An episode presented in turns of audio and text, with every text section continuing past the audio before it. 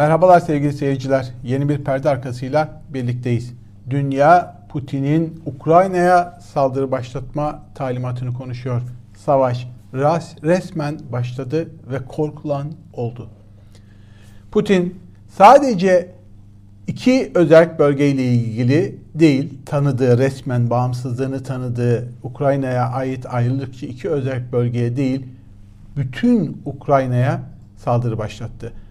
Ukrayna'nın çok önemli şehirlerine Avrupa sınırındaki NATO sınırlarındaki şehirlerine dahi 300 kilometre mesafedeki şehirlerine dahi seyir füzeleri fırlattı ve başkent Kiev'e yönelik operasyon başlattığı anlaşılıyor. Son olarak Kiev vilayet sınırlarına girdikleri buradaki askeri üslere yönelik helikopterlerle önce bombardıman yapıp sonra helikopterlerle operasyon başlattıkları ortaya çıktı. Savaşın faturası giderek ağırlaşıyor. Bir büyük düşünür Bereç diyor ki savaştan geriye üç ordu kalır. Ölüler ordusu, yas tutanlar ordusu ve hırsızlar ordusu. Evet savaş kan, gözyaşıdır. Savaş para ve silah demektir. Şimdi bütün bunları içeren bir formülasyon içerisinde bir de gelişmeleri değerlendirelim. Özellikle sabah saatlerinde e, Ukrayna'nın hava savunma sistemini yok eden bir operasyon başlattılar. Ardından Ukrayna'nın saldırı kapasitesini, karşı saldırı kapasitesini büsbütün yok etmek için sadece hava gücünü, hava savunma sistemlerini değil, aynı zamanda deniz merkezlerine, limanlarına da, askeri limanlarına da saldırdılar. Askeri üslerine de vurdular. Ve bütün bütün bir Ukrayna'ya e, eğer e, mümkünse e, vurduğu yerlerin haritasını gösterebilirsek e, ekrana getir. Evet bu harita o kırmızı patlakların görüldüğü yerler Rusya'nın ilk operasyonda vurduğu yerler. Bunlar içerisinde e, Ivano-Frankivsk, Lutsk, Kiev, Odessa. Odessa en güneyde Karadeniz sahilinin en batısındaki Moldova sınırına yakın yer. Şimdi ayrılıkçı bölgeler Luhansk en sağdaki kısımken vurulan yerler dikkat edin bütün Ukrayna'yı kapsıyor. Ve Putin'in Karadeniz'le ilgili söylediği şeye bakılırsa Odessa'yı da vurduğuna bakılırsa, Kiev'e operasyona bakılırsa bu sadece iki bölgeyle sınırlı kalmayacak. Topyekün bir bağımsız ülkenin işgali yaşanıyor. Putin saldırının ardından yaptığı açıklamada lütfen Ukrayna ordusuna seslenerek lütfen silahlarınızı bırakın ve evlerinize dönün. Silahlarını bırakan tüm Ukrayna askerleri hiçbir engel olmaksızın ailelerine kavuşabilecek. Dökülen kanın tüm sorumluluğu ise Kiev rejiminin vicdanına ait olacak dedi. Evet.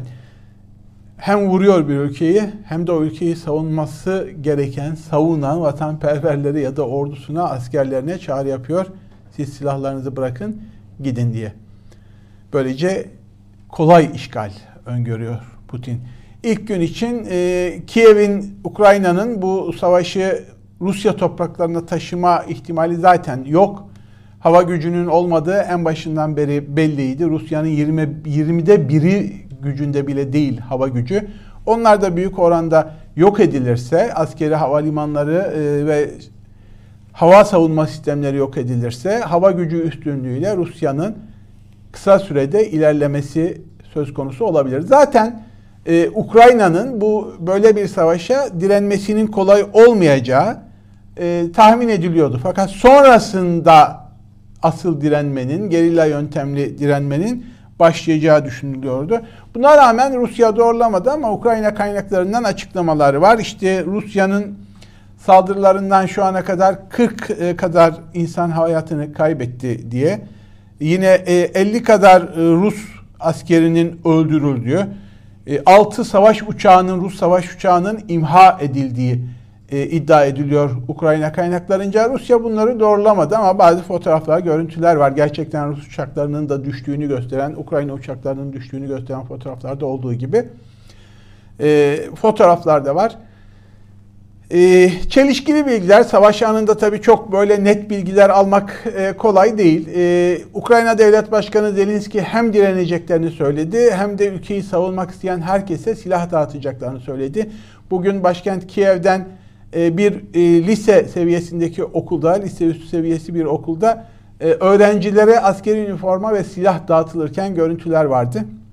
Genel olarak şu ana kadar Ukrayna'dan gelen görüntüler e, insanların yurt dışına çıkmaya çalıştıklarını gösteriyor. Hüzünlü vedalaşmalar var. Ya da e, metrolarda özellikle Kiev'de metroya indikleri, sığınak olarak metroları kullanmaya başladıkları burada. E, yine marketlerde e, giderek artan, trafikte giderek artan oranda bir panik havası alışveriş daha doğrusu zorunlu olarak savaş geliyor. Bir süre sonra kıtlık olma ihtimali yüksek. Alışveriş zinciri sıraları e, vardı. 2-2,5 saat bekliyorsunuz ödemeleri diyor Gürsüm Hallova. E, bir gazeteci e, Türkçe'de yayınlar yapıyor oradan bölgeden. Önemli ve güzel bilgiler veriyor. Onun haricinde genel olarak baktığınız zaman hani bir savaş sanki de böyle bir saldırı beklenmiyormuş ya da halka bu izlenim tam da verilmemiş gibi anlaşılıyor şu ana kadar e, yaşananlardan dünya bekliyordu. E, herkes bu saldırıyı konuşuyordu. Hatta ABD Başkanı Putin kararını verdi saldıracak kesin demişti. E, ordusunu takviye ediyor, şu kollardan girecek, şuralardan saldıracak deniyordu. İşte birçok ülke, e, batılı ülke diplomatlarını, askerlerini, danışmanlarını oradan tahliye etti. E, buna rağmen e, böyle bir hafif de böyle bir halkta tam bir beklenti yokmuş gibi bir izlenim ediniyorum e, yaklaşımlardan.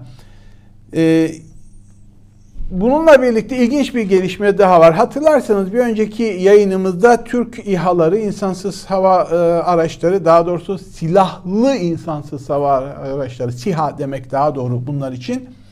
Türk SİHA'ları, silahsız insansız hava araçları bu savaşta Ruslara karşı kullanılacak, Rusları vuracak demiştik. Türkiye bir şekilde bu krizin parçası olacak, olabilir e, demiştik.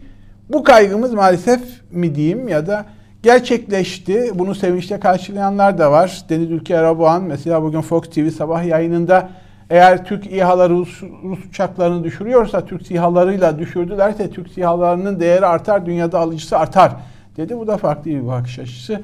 Ee, hani savaşı, kan, gözyaşını, yası, ayrılığı, hüznü konuşurken e, İHA satışlarını, SİHA satışlarını buradan öngörmek biraz fazla e, silah satışçısı gözüyle bakmak gibi olur ama Türk SİHA'larının e, kullanıldığını Ukrayna savunma yetkilileri açıkladı. Bayraktar 2 silahlı insansız hava araçları bu çatışmalarda, bu savaşta işgale karşı direnme amaçlı kullanılıyor dedi. Rusya'dan da ilginç bir açıklama var. Onlar da şu ana kadar 4 SİHA'nın Bayraktar 2, TB2 e, Bayraktar e, silahlı insansız hava aracının, Türk hava aracının düşürüldüğünü söylediler. E, Tabi burası ilginç. E, Türkiye'nin Ukrayna'ya kaç SİHA sattığını tam olarak bilmiyoruz şu ana kadar. Fakat e, yakın dönemde e, bununla ilgili yayınlanmış bir haber var. Defense News'te e, savunma dergisi bu. Savunma e, haberleri konusunda uzman bir dergi. Burak Egeli Bekdil tarafından e, yazılmış haber. E, Türkiye'nin e, 3 Şubat'ta Ukrayna'ya e, Ukrayna ile SİHA'ların üretimi konusunda anlaşma imzaladığı söyleniyor. Ukrayna biliyorsunuz Rusya'dan, Sovyetler Birliği'nden kalma uçak üretim e, teknolojisine ve fabrikalarına sahip e, bir ülkeydi. E, onlarla e, motor konusunda batılı ülkelerin e, Türkiye uyguladığı ambargodan sonra motor parçaları elde etmekte sıkıntı yaşıyordu Türkiye. Ukrayna ile anlaşma imzaladığı söyleniyor orada. Bayrak Baykar makine ile e, anlaşmanın imzalandığı, Türkiye'nin buradan 69 milyon dolarlık bir anlaşma imzaladığı Ukrayna ile İlk etapta 6, ikinci etapta 24 adet e, Bayraktar SİHA Türkiye'de üretilen e, silahlı insansız hava aracı. Silahlı denişinin sebebi şu. Araç insansız yerden kumanda ediliyor. Kameralara sahip. Kameralarla hedefe kilitlenebiliyor. Lazerle işaretle, işaretlenip güdümlü füzelerle 100 kilometre mesafeden vurabilen güdümlü füzelerle bu araçlardan gönderiyorsunuz. Havada 24 saat kalabiliyor vesaire. Önemli bir e, teknolojik e, teknoloji savaş açısından e, bakıldığında bundan e, 24 toplam 30 adet satacağı anlaşılıyor ama daha önemlisi uzun vadede Kale Baykar ile birlikte ortak üretim anlaşması yapıldığı kaydediliyor. Şimdi işin e, bir tarafında Türkiye olacak mı olmayacak mı? Türkiye Rusya ile ilişkilerinde ne yapacak bir sıkıntı çıkıp çıkmayacağı konuşulurken e, tam da ortasında bir e, Türk silahlı e, aracının kullanıldığı ortaya çıktı. Ha bu bir suç mu? Ona bakarsanız işte Rusya'nın ürettiği Kalaşnikov silahları dünyanın dört bir tarafından kullanılıyor ama kimse Rusya'yı suçlamıyor. Ya da işte Amerika'nın ürettiği silahlar, e, teknoloji dünyanın dört bir tarafında savaşlarda kullanılıyor. Kimse dönüp de Amerika bu silahı üretmişti de satmıştı da bu insanlar bu yüzden öldü demiyor. E, silah ve teknolojisini üretmek bir suç mu? Savunma amaçlıysa değil, öldürme amaçlıysa sadece bu kasıtla yapılıyorsa e, insanlık suçu olabilir ama hani buradan Türkiye'yi direkt Rusya suçlar mı? Hayır. Fakat Rusya ile Türkiye'nin ilişkileri, Rusya ile Türkiye'nin e, bilek güreşi farklı alanlarda düşünüldüğünde Türkiye'yi zorlayacakları bir mecra e, oluştuğunu söyleyebiliriz. Rusya açısından, Türkiye-Rusya ilişkileri açısından e, önemli bir e, gösterge olacak yakın dönemde. Bir başka gelişme Ukrayna Büyükelçisi açıkladı.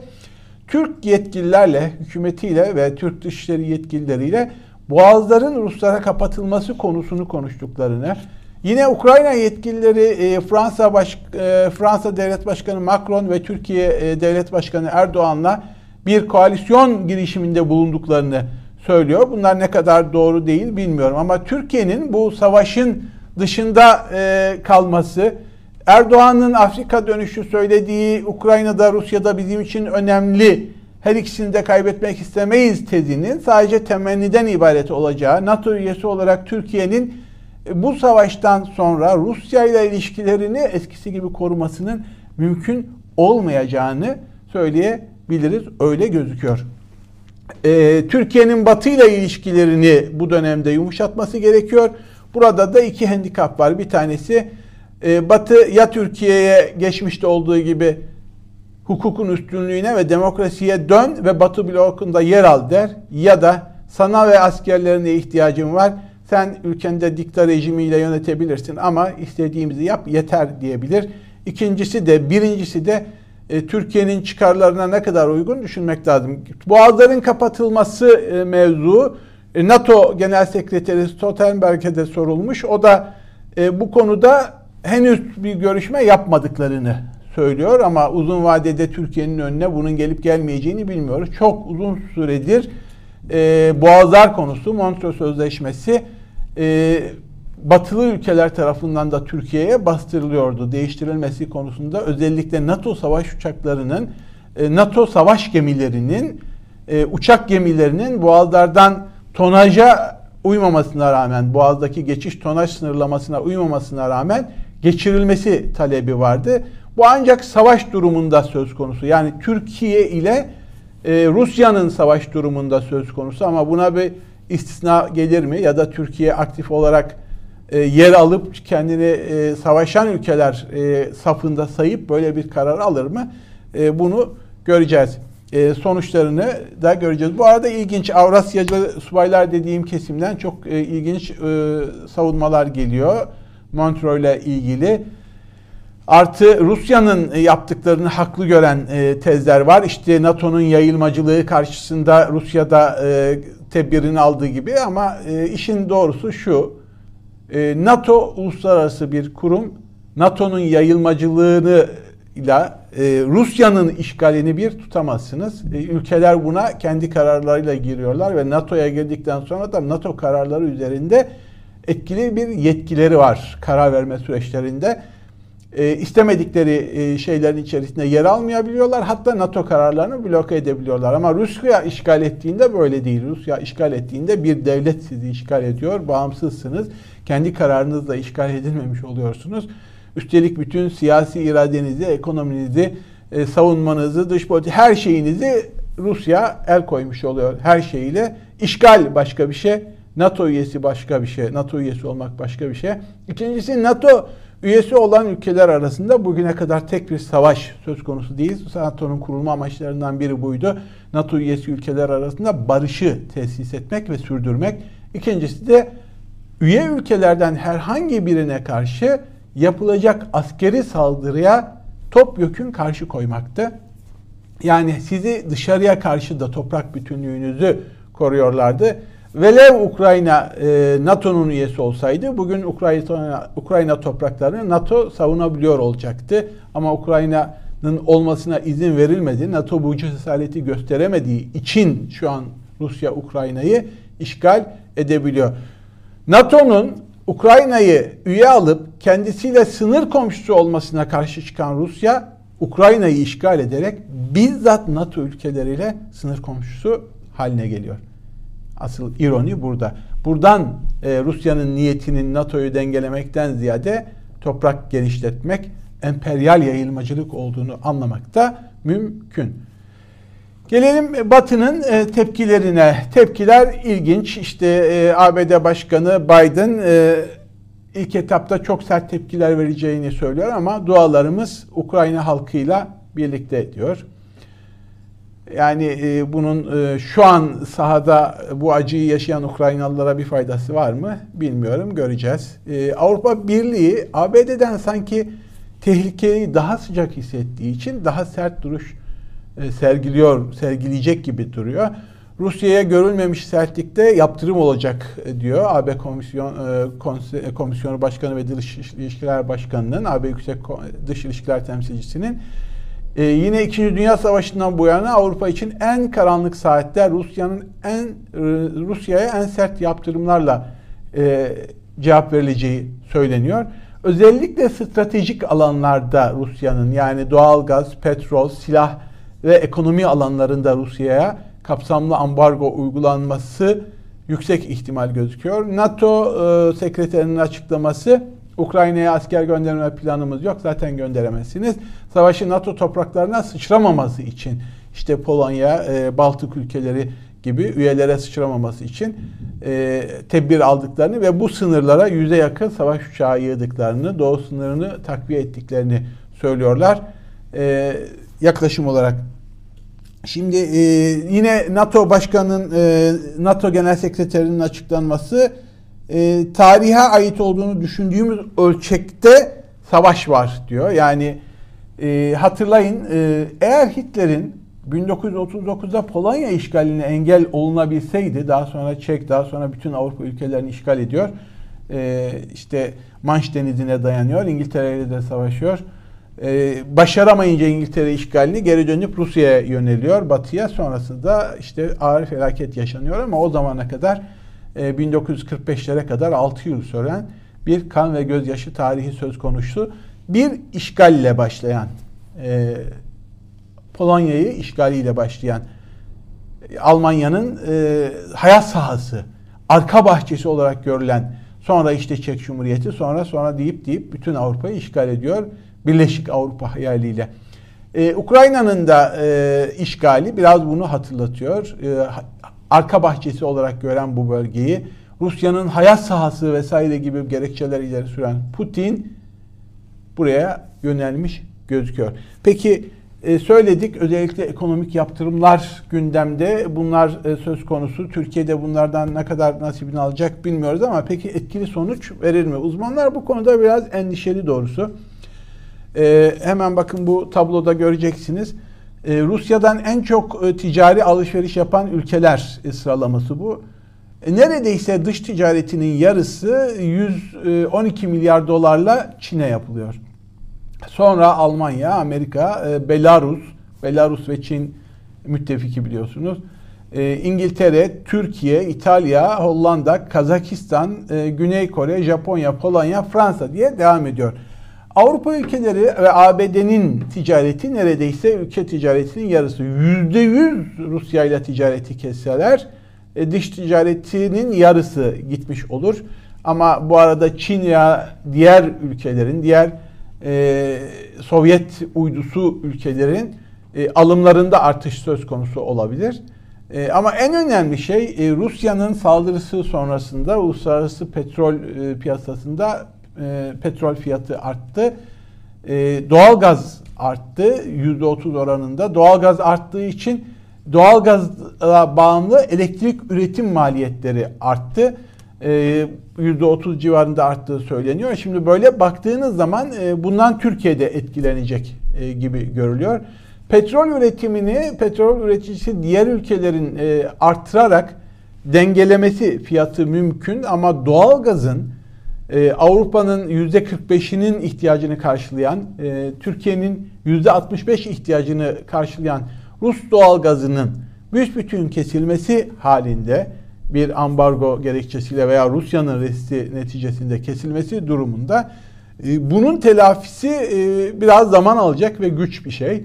E, dolayısıyla bu ambargoların aynı zamanda ambargoyu uygulayan yakın ülkeleri etkileyeceği Almanya, Türkiye, e, Polonya, Macaristan e, gibi ülkeleri asıl etkileyeceği dolayısıyla onların da bunu sürdürmekte zorlanacağı söyleniyor. Ama çok çok daha önemlisi Rusya'nın uzun süredir bu savaşa hazırlık yaptığı anlaşılıyor ve rezervlerini 531 milyar dolardan 620 milyar dolara yükselttiği söyleniyor. Yani herhangi bir uluslararası ambargonun yakın vadeli etkilerini ve savaşın maliyetini göğüsleyebilmek için Rusya'nın savaş para para para diyorduk ya ona hazırlık yaptığı ve uzun süreli bir savaşa hazırlık yaptığı anlaşılıyor. İkincisi e, Rus bankalarına yönelik uluslararası Swiss e, para transferine getirilen ambargolar söz konusu. İngiltere 5 Rus bankasını aldı. Amerika'nın da uluslararası para transferini durduracağı, döviz ticaretini durduracağı söyleniyor Rusya'ya. Rusya'nın bir süredir e, Amerika'daki sisteme alternatif bir para havale sistemi oluşturdu e, ve bununla bu blokajı yine kırabileceği söyleniyor. E, yani sadece e, stratejik e, hedefli ekonomik yaptırımların Rusya'yı dize getirmek için kısa vadede etkili olamayacağı ancak çok uzun sürer de doğal gaz ve petrol gelirlerinden uzun süre mahrum kalır ve girdiği savaş alanı bataklığa dönüşür ve Rusya bütçesinden aşırı para harcamaya başlarsa burayı finanse edebilmek için o zaman altından kalkamayacağı bir ambargoya ve yaptırıma dönüşebilir ve etkin sonuç ancak o zaman verebilir deniyor. Ee, ama o zamana kadar e, yani 3 yıl 5 yılda bu e, sürer mi e, ambargo ya da Rusya e, o zamana kadar başka zeytin dalı uzatıp stratejik diplomatik hamleler yapıp işin içinden sıyrılır mı göreceğiz ama Ukrayna'nın e, artık e, bildiğimiz manada 1991'den sonra kazandığı bağımsız e, Ukrayna devleti topraklarının kolay kolay var olmayacağı artık net. Kırım'dan sonra Luhansk ve Donetsk bölgesinin de artık koparılacağı çok rahat söylenebilir. Önemli olan geri kalan kısımlarda işgali ne kadar devam ettirecekleri. Rusya'nın Kiev'e, Odessa'ya saldırması bu açıdan önemli. Rusya eğer Akdeniz'de Odessa'ya kadar ki şeridin tamamını kapatırsa Moldova'ya kadar uzanmış ve Moldova'da da ayrılıkçı Rus gruplar var sınırda Doğu bölgesinde. O bölgeye yönelik de hamlelerde bulunabilir e, Rusya'yı durdurmak bu saatten sonra kolay olmayabilir. Bir diğer ilginç tartışma da şu. Sadece Rusya değil, Rusya'nın müttefiki Çin'in de e, bu oluşan ortamdan Batı'nın tepkisizliğinin yetersizliğinden cesaret alarak uzun yıllardır reddettiği bağımsız Tayvan'ı işgal edebileceği, uzak doğuda da e, suların ısınacağı ve bunun giderek e, küresel bir çatışma alanına dönüşebileceği kaygısı e, var. E, Tayvan benziyor, benzemiyor tartışmaları var ama Çin'in e, savaş gemilerini bu bölgeye sevk ettiğine dair yine Tayvan yetkililerinin buna dair kaygılarını açıkladıkları e, beyanatlar var. E, bekleyip göreceğiz. E, ekonomik yaptırımlar olursa Türkiye'ye bakan yönüyle Türkiye Rusya'dan en büyük tahıl e, te, tedarikçisiymiş e, Rusya. E, dünyada da öyle. Türkiye için daha büyük oranda yüzde 65 e, oranında e, alıyormuşuz. Eğer Ukrayna ve Rusya'dan tahıl e, sevkiyatı fiyatları artarsa ki bu kaçınılmaz gibi görünüyor. Bunu telafi edecek ithalat alanları belki bulunur veya Türkiye'de teşvik edilir, e, tahıl yetiştirilir ama kısa vadede ya da yakın vadede ekmek fiyatlarında dahi artışların ve katlamaların olması söz konusu. Yani e, doğal gaz fiyatları artacak, elektrik faturalarınız artacak, benzin faturalarınız artacak, ekmek giderleriniz artacak. Yine bunlara bağlı olarak Rusya'ya yapılamayan ihracatlardan dolayı artacak faturalar var. Rusya'dan turist gelmemesinden kaynaklı, gelemeyecek olmasından savaş dolayısıyla kaynaklı ekonomik krizde derinleşme var. Zaten dolar 14 bandını kırdı şu an itibariyle daha yükselmesi söz konusu olacak. Boğazlar, e, SİHA ve diğer konularda gelişecek daha büyüyen krizler söz konusu olabilir. E, Türkiye'nin de bu süreçte çok parlak bir e, dönem yaşamayacağı, e, savaşın Türkiye'yi de yakın komşu olarak çok derinden etkileyeceği anlaşılıyor. Evet, savaşın Türkiye'yi de yakın komşu olarak yakından etkilemesi kaçınılmaz gibi. Umarım uzun sürmez. Umarım bir an önce barışa dönülür. Hem Ukrayna halkları hem de bölge halkları hem de dünya daha büyük krizler yaşamaz, savaşlara gebe olmaz.